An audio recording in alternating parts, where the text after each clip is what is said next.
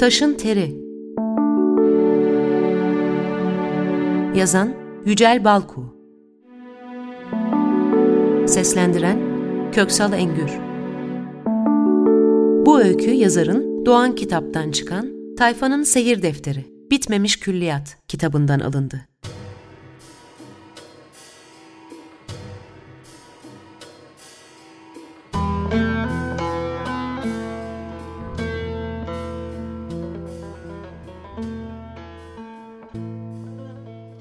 Bir tek el izlerini çamura çıkaran çocuklar bilirler. Toprak renkli, kavruk kadınların eksile eksile ağladıklarında kocalarını. Sadece kocalarını ağladıklarını. Kadın ağlıyordu. Çocuk bakışlarını elindeki çamur topağından ayırmadan duyuyor ve görüyordu annesini. Kadın kalktı, sedirin çevresini sarmış insanları aralayarak sedirde yatan kocasına yaklaştı. Onun üstüne biraz daha taze söğüt yaprağı yığdı. Sonra sedirin yanındaki kovadan ayran alıp söğüt yapraklarını umutsuzca serpiştirdi. Mir Mehmet'in iniltisi sedirin çevresinde kümelenmiş insanları ve meşalelerin titrek ışığında vahşi bir raksa tutuşmuş uçuşan yaratıkları bir an dalgalandırdı. Ama kısa sürdü bu. Herkes biliyordu onun terliye terliye ölüp gideceğini. Ölümüne üzülmek için herkesin yeterince sebebi vardı. İçtikleri suda kar suyu tadı arayan keyif ehilleri, harbi çay tiryakileri, bebelerini davul gibi karınlarla gördükçe yüreklerinin yağı eriyen anneler ve onun şöhretinden Taşçılar Köyü'ne, oradan kendilerine pay çıkaranlar. Herkes, onun ölümüyle yitirilecek şeylerin fazlasıyla farkındaydı. Mir Mehmet, civarın hatta dünyanın en iyi taş ustasıydı birçoklarının gözünde. Taş ustası dediysek bina falan yapmazdı. Onun tek işi su kayası yontmaktı.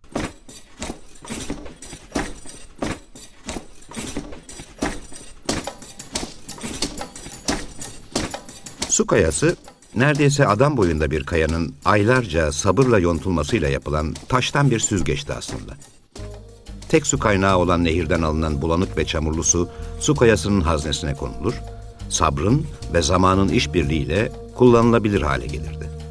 Ters bir üçgen şeklinde oyulan kaya, havada asılı kalması için ahşap bir çerçevenin içine yerleştirilir. Yarım kova kadar su alan haznesi doldurulduktan sonra altına taştan damlayan suyun birikmesi için bir kap konulurdu. Yontucunun ustalığı, kayanın cinsi ve zaman tanımaz bir sabrın sonucunda berrak, kokusuz bir su hiçbir deliği olmayan kayanın alt sivri ucundan tomurcuklana tomurcuklana, hatta kayanın terlemesinden kaynaklanan tembel damlalar olarak alttaki kaba düşerdi. Suyun berraklığında ve nefasetinde ustadan ustaya değişen ve ancak has çay tiryakilerinin ayrımına varabildiği ince farklar olurdu. Kar suyu lezzetini çok az usta yakalardı. Bu konuda ağızdan ağza dolaşan kıstaslar da yok değildi aslında. Usta işi bir su kayasının haznesine şarap doldurulsa bile, kayanın zemzem suyu terlemesi gerektiği söylenirdi meraklılar arasında.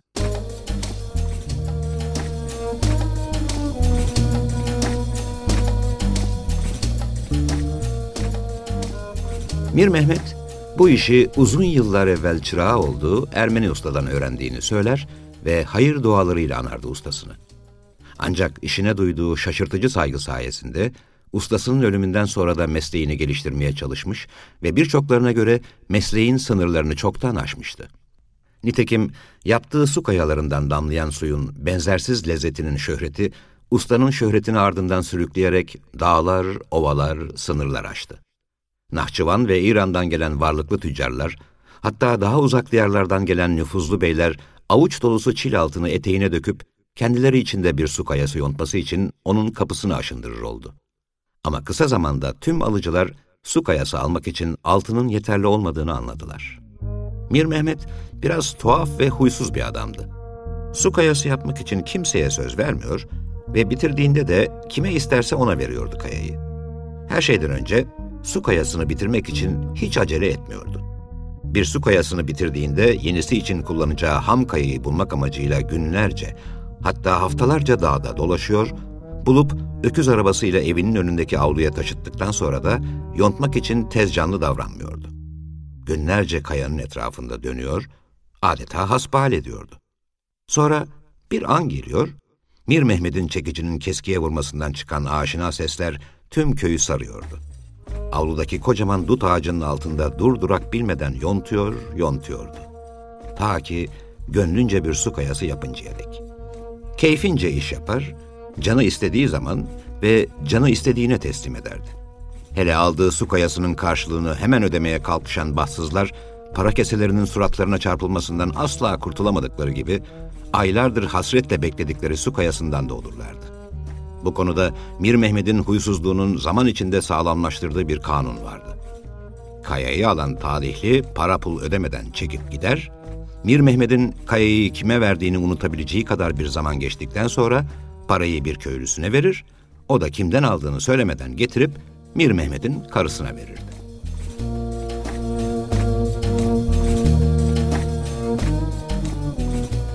Muhtemelen tüm iyi sanatkarlarda olan bu tuhaf haller en azından ne iyi bir çay tiryakisi ne de Mir Mehmet'in huysuzluğuna katlanacak kadar sabırlı olan ve belki de sadece Taşçılar Köyü'nden geçerken adet yerini bulsun diye bir su kayası satın almak isteyenleri çabuk bıktırdı. Bu durumsa en çok Perçemli Usta ve Meşhedi Avaz'a yaradı. İkisi de vaktiyle Mir Mehmet'in çıraklığını yapmışlar ancak ustanın huysuzluğuna mesleğin tüm inceliklerini öğrenecek kadar sabredemeyip ayrılmışlardı çıraklıktan. Ayrıldıktan sonra her ikisi de kendi hesaplarına su kayası yontmaya başlamışlar ve bir süre sonra özellikle Mir Mehmet'in keyfini beklemeyecek kadar aceleci olan alıcılar arasında rağbet görür olmuşlardı. Has çay tiryakileri her ne kadar orada burada onların yaptığı su kayalarından elde edilen suyun lezzeti konusunda ileri geri konuşsalar da, onların da kendilerine göre bir müşterisi vardı işte. Özellikle tepesindeki bir tutam saç dışında kafasını sürekli olarak kazıttığı için perçemli diye anılan usta, alışılmış su kayalarından farklı şeyler de üretmeye çalışıyordu. Önce ters üçgen biçimindeki su kayalarına, belki de Mir Mehmet'inkilerden farklı olsun diye farklı bir biçim vermeye çalıştı. Su kayalarını ortası bombeli kocaman bir küp şeklinde yontmaya başladı. Bu değişiklik yeniliği her şey sayan bazı alıcılar arasında büyük heyecan yaratınca bir süre sonra küp biçimindeki kayanın haznesini daha geniş ve derin oyup dibine de bir iğne deliği açtıktan sonra haznenin dip kısmına bir kat yıkanmış odun kömürü, onun üstüne bir kat çam kıymığı, sonra yine bir kat kömür ve çam kıymığı, en üstte de işinin ehli ustalara yaptırılmış bir parça keçe koymaya başladı. Gerçi dibine açtığı delik nedeniyle bu kaya terlemiyor, bayağı damlıyordu ama damlayan su buram buram reçine koktuğundan bu da güzel bir yenilik olarak değerlendirildi.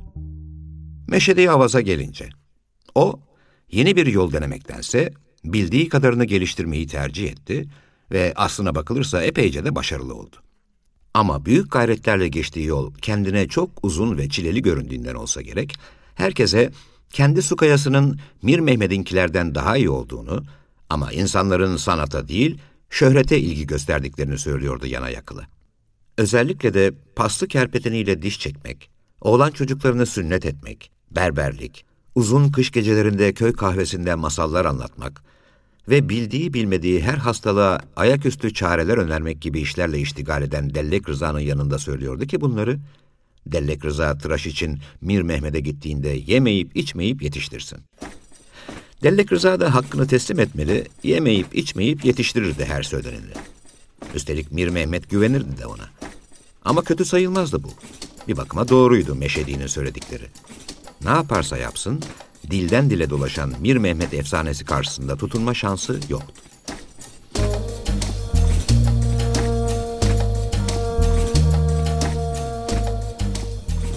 Her iki usta da Dellek Rıza aracılığıyla Mir Mehmet'e ve ahaliye gönderdikleri namelere karşılık ahalinin vurdum duymazlığı ve Mir Mehmet'in suskunluğuyla karşılaştıkça gadre uğramışlık duygusuyla bozguna uğradılar. Her bozgun sonrası gönderdikleri namelerin sertliği arttı, giderek hakaretler karıştı işe. Ancak onlar açısından bardağa taşıran damla, şu şahanının altın koşumlu atlara binmiş kalabalık bir kafileyle Taşçılar Köyü'ne gelip binbir şatafatla Mir Mehmet'in evine giderek kendisi için bir su kayası istemesi oldu. Gerçi hanın içtiği su ırmaktan değil, yalçın kayalıklarda şırıldayarak akan pınarlardan gelirdi ama Mir Mehmet'in su kayalarından terleyen suyun o pınarların suyundan bile lezzetli olduğunu duymuştu han. Hele hazneye ırmak suyu yerine menba suyu konduğunda kim bilir nasıl lezzetli bir su içebilecekti. Mir Mehmet'in önüne tepeleme İran altını, mücevherat dolu ve dışı kırmızı gence kadifesiyle kaplı küçük bir sanduka koyup, yontmakta olduğu kayayı istediğini söyledi. Emir vermeyi su içmekten doğal bilen bir edayla. Mir Mehmet, hiddetten sakalları titreyerek bunu yapamayacağını, o kayayı fakir ve dul bir kadının ırmak suyu içmekten sürekli şiş karınla dolaşan iki yetimi için yonttuğunu ama bir ara vakit bulabilirse han içinde bir su kayası yontmaya çalışacağını söyledi. Para meselesini de kayanın yapımı bittiğinde hallederlerdi. Sandukayı bırakmalarına gerek yoktu. Han, tek kelime etmeden, öfkeden kıpkırmızı kesilmiş bir halde atına atladı ve yanındakilerle birlikte gitmek üzere yola koyuldu. Adamlardan biri ustanın uyarısı üzerine sandukayı da aldı. Perçemli usta olayı duyar duymaz atına atlayıp hanın kafilesini köyün biraz dışında yakaladı. Hana doğru yöneldiğinde Meşedi'nin ve burnunu her işe sokmaya pek meraklı olduğu herkesçe bilinen Dellek Rıza'nın da orada olduğunu görünce şaşırdı. Ama bozuntuya vermeden Han'a dönüp köyü ve Mir Mehmet adına özür dilediğini, eğer arzu ederse kendisine eliyle yaptığı bir su kayasını armağan etmekten onur duyacağını söyledi. Meşedi de benzer şeyler söyledi ama Han cevap bile vermeden atının başını çevirip gitti. Perçemli ve Meşedi Avaz şaşkın şaşkın kala kaldılar orta yerde.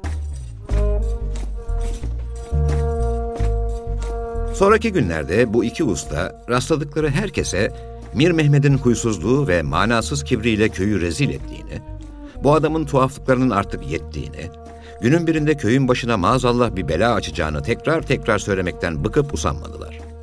Bununla da yetinmeyen Perçemli, Mir Mehmet'in hana su kayası vermemesinin kibrinden değil, sanatının gerilediğini gizleme çabasından kaynaklandığı söylentisini çıkardı.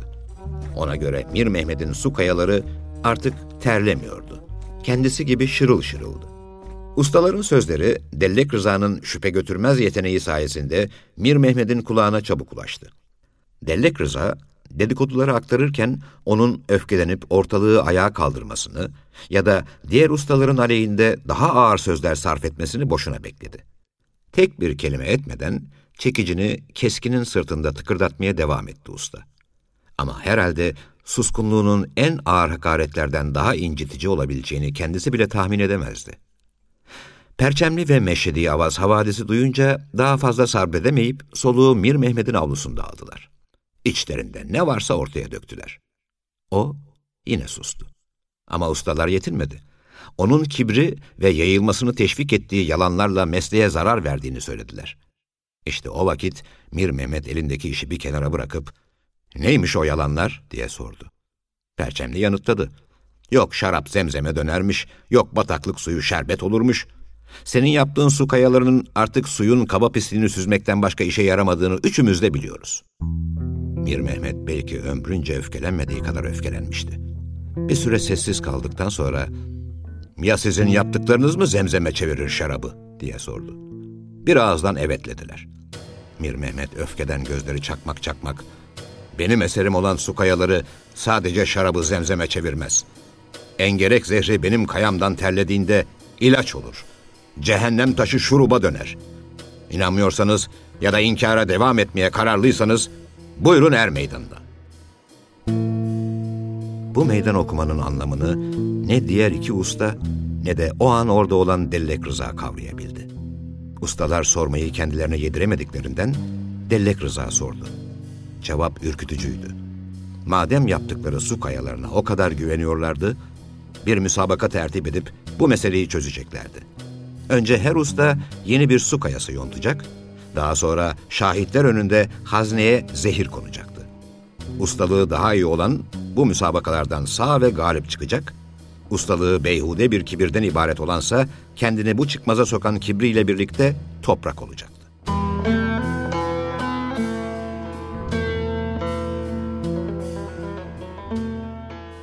Aslında Mir Mehmet'in meydan okuması hem ustaları hem de Dellek Rıza'yı iliklerine kadar ürpertmişti. Ama kibriyle birlikte toprak olmak meselesi Meşhedi Avaz'a ve Perçemli Usta'ya hemen Mir Mehmet'i çağrıştırdığından ve teklif itiraz edilemeyecek kadar adilane olduğundan alelacele kabul ettiler. Tek itiraz Dellek Rıza'dan yükseldi. Ya üçünün yaptığı su kayası da düşündükleri kadar iyi değilse, o zaman köy ustasız kalırdı. Ve pis suları içmekten karnı şişen ve sıtmadan telef olan bebelerin vebali ustaların boynuna binerdi. Dolayısıyla üç su kayasından birinin haznesine zehir değil, şarap konmalıydı ki hem en azından bir usta sağ kalsın, hem onun ustalığı da sarhoş olup olmamasıyla sınanmış olsun. İtiraz akıllıcaydı. Üç usta da kabul etti.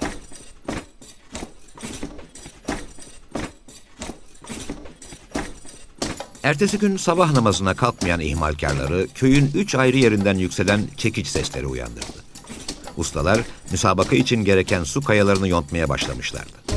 Müsabakada kullanılacak malzemelerin bulunması işini Dellek Rıza üstlenmişti. İran'a gidip gelen tüccarlara oradaki kızgın çöllerde yaşayan azgın engereklerin zehrinden yeterli miktarda ısmarlayacak, kimilerinin ermiş, kimilerinin büyücü saydığı Şeyh Aziz'den ceviz büyüklüğünde cehennem taşı alacak ve komşu Ermeni köyünden bir testi dolusu şarap temin edecekti. Perçemli Usta 15 gün. Meşhedi Avaz bir ay sonra su kayasını bitirdiklerini bildirdiler. Artık iyiden iyiye hakemliğe soyunmuş olan Dellek Rıza'ya. Bu arada Dellek Rıza gerekli malzemeleri temin etmişti ama Mir Mehmet'in evinin avlusundan çekiç sesleri yükselmeye devam ediyordu. İşi uzadıkça diğer iki usta homurdanmaya, Mir Mehmet'in kaçınılmaz sonu ertelemeye çalıştığından şikayet etmeye başladılar. Ustalıklarını dosta düşmana kanıtlamak için sabırsızlanıyorlardı. Sonunda Mir Mehmet'in su kayası da bitti. Tam kayanın bittiği gün, şu şahanının iki adamı yanlarında o parıltılı sandukayı da getirerek, hanın çok acele su kayası istediğini bildirdiler. Mir Mehmet bir kere daha başından savdı onları. Artık hazırlıkların son aşamasına gelinmişti. Mir Mehmet'in avlusu daha geniş olduğundan, diğer iki ustanın su kayaları öküz arabasına yüklenip oraya taşındı. Yaptıkları su kayasının başına bir iş gelmesinden korkan ustalar da, tütünlerini ve çubuklarını alıp su kayalarının yanı başına bağdaş kurarak nöbet tutmaya başladılar. Ama sadece akşam karanlığı çökene kadar sürdü bu. Dellek Rıza, herkesin evine gitmesi gerektiğini, çünkü su kayalarını kendisinin bekleyeceğini, sabah namazında gelmelerini söyledi. Sabah geldiklerinde anlaştıkları gibi kendisi gözleri bağlı olarak engerek zehrini, suda eritilmiş cehennem taşını ve şarabı su kayalarının hazinelerine koymuş olacaktı. Sabah namazından sonra köydeki herkes Mir Mehmet'in evine çağrılacak ve müsabaka başlayacaktı. Nitekim öyle de yapıldı. Ahali avluya toplanmaya başladığında üç su kayası yan yana sıralanmış, hazinelerine gerekli maddeler doldurulmuş ve altlarına birbirinin eşi üç bakır leğen konmuştu. Ustalar kendi kayalarının yanında bağdaş kurup çubuklarını tüttürmeye başlamışlardı bile. Güneş yükselirken avluya en az yüz kişi toplanmıştı. Ama kimseden çıt çıkmıyordu. Sadece salkım söğütlerin sık yaprakları arasından sürünerek geçen hafif bir rüzgarın nazik ıslığı duyuluyordu. Yapılması gereken tüm dedikodular yolda yapılmıştı. Ve artık herkesin kulağı su kayalarının birinden düşecek damlanın bakır leğene çarpmasından çıkacak sesteydi. İlk damlanın tıpırtısı, hayır, patlaması, güneş tepedeyken Meşhedi Avaz'ın leğeninden yükseldi. Meşhedi Avaz hariç herkes kocaman bir tokmakla dev bir davula vurulmuş gibi irkildiler.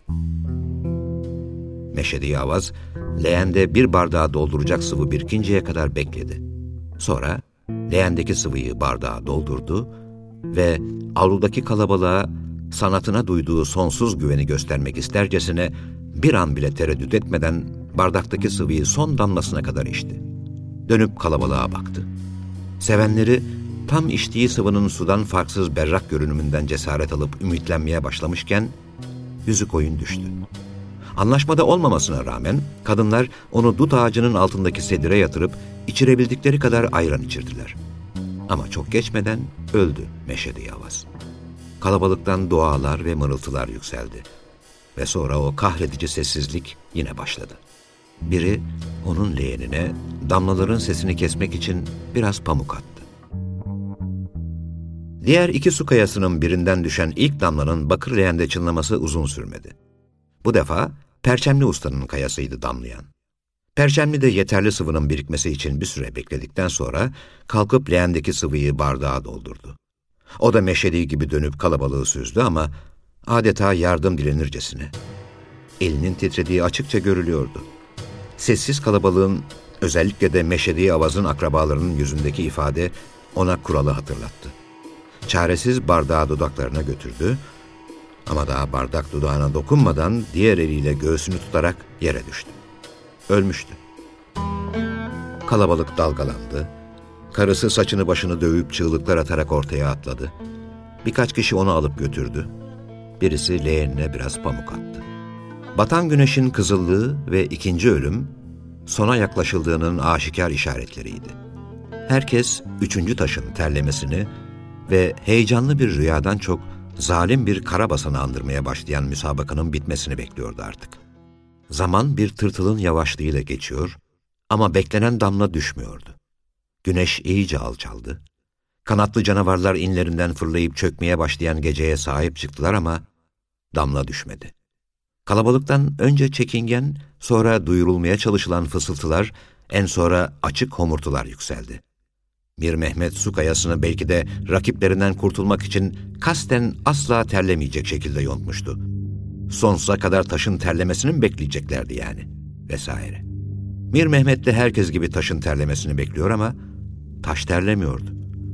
Sonunda yerinden kalktı, Meşedi Yavaz'ın leğenindeki artık bir damla su emecek hali kalmamış pamuğu alıp kimsenin müdahale etmesine meydan vermeden yumruğunun içinde sıktı ve şırıl şırıl akan sıvıyı çeşmeden su içer gibi içti. Engel olmaya çalışanlar yanına vardığında yerde çırpınmaya başlamıştı bile. Onu kaldırıp sedire yatırdılar.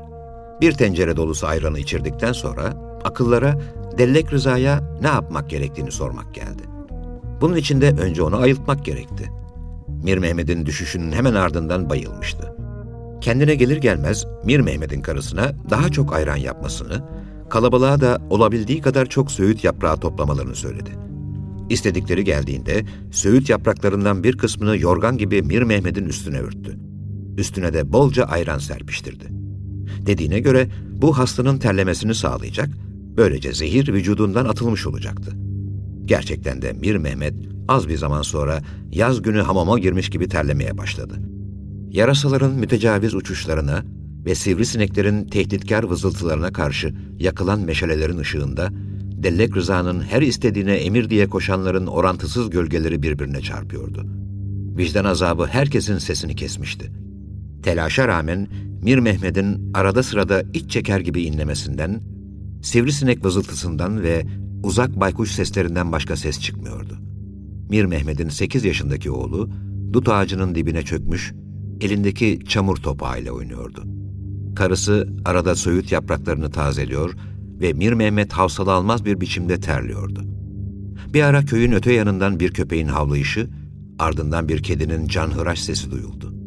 Bu ani gürültünün ardından ortalığa yeniden yuvarlanan mutlak sessizliğin ilk anında duyulan sesse, herkesi ürpertecek kadar yakın ve açıktı. Bir damlanın bakır leğene çarpmasından çıkan mütevazı patlama. Daha dönüp bakmadan anladı herkes. Damlanın Mir Mehmet'in su kayasından düştüğünü. Kaya usulca ama Mir Mehmet'in hile yaptığını dile getiren herkesi yerin dibine geçirecek kadar açık bir biçimde terliyor ve damlalar ardı ardına leğene düşüyordu. Sesi duyanın sadece kendileri olmadığını Mir Mehmet alışılandan farklı bir sesle inleyince anladılar. Karısı yanışıp kulak verdi. Mir Mehmet, leğendeki sıvının kendisine içirilmesini istiyordu. İçirildi de.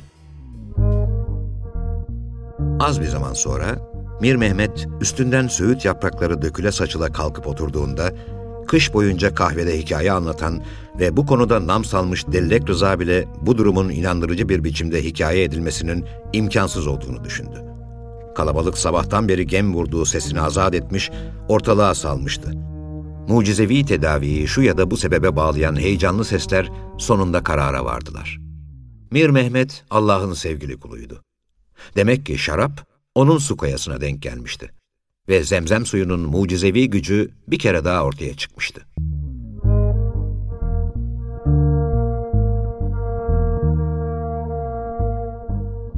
Bu güzel ve iç rahatlatıcı fikri benimsemeyi herkesten çok ben isterdim. Böylelikle hem zemzem suyuna hürmetsizlik etmemiş olur, hem de bu hikayeyi kahvede anlattığımda daha çok takdir toplayabilirdim. Ama kahretsin, yapamam. İran'dan getirttiğim engerek zehrini kendi elimle koydum bir Mehmet'in su kayasına. Ona duyduğum saygıyla kibri karşısındaki tiksintim birbirine karıştı. Malzemeleri haznelere koyarken kasten onun kayasını seçtim engerek zehri için. Ölmesini değil ama kibriyle ve ustalığıyla yüzleşmesini istedim haince. O kazandı müsabakayı. Onu iyileştiren güç, zemzem suyunun gücü değildi. Bu hikayeyi kahvede anlatamam.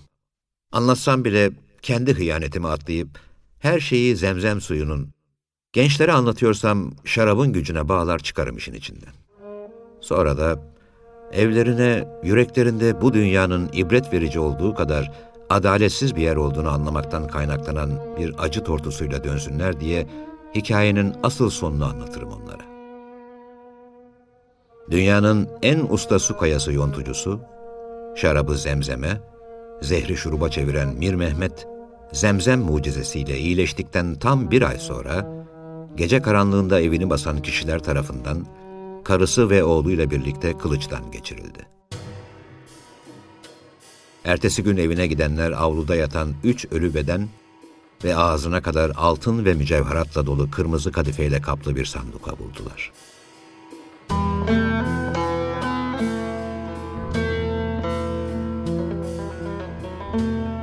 Yücel Balkun'un Taşın Teri öyküsünü Köksal Engür seslendirdi.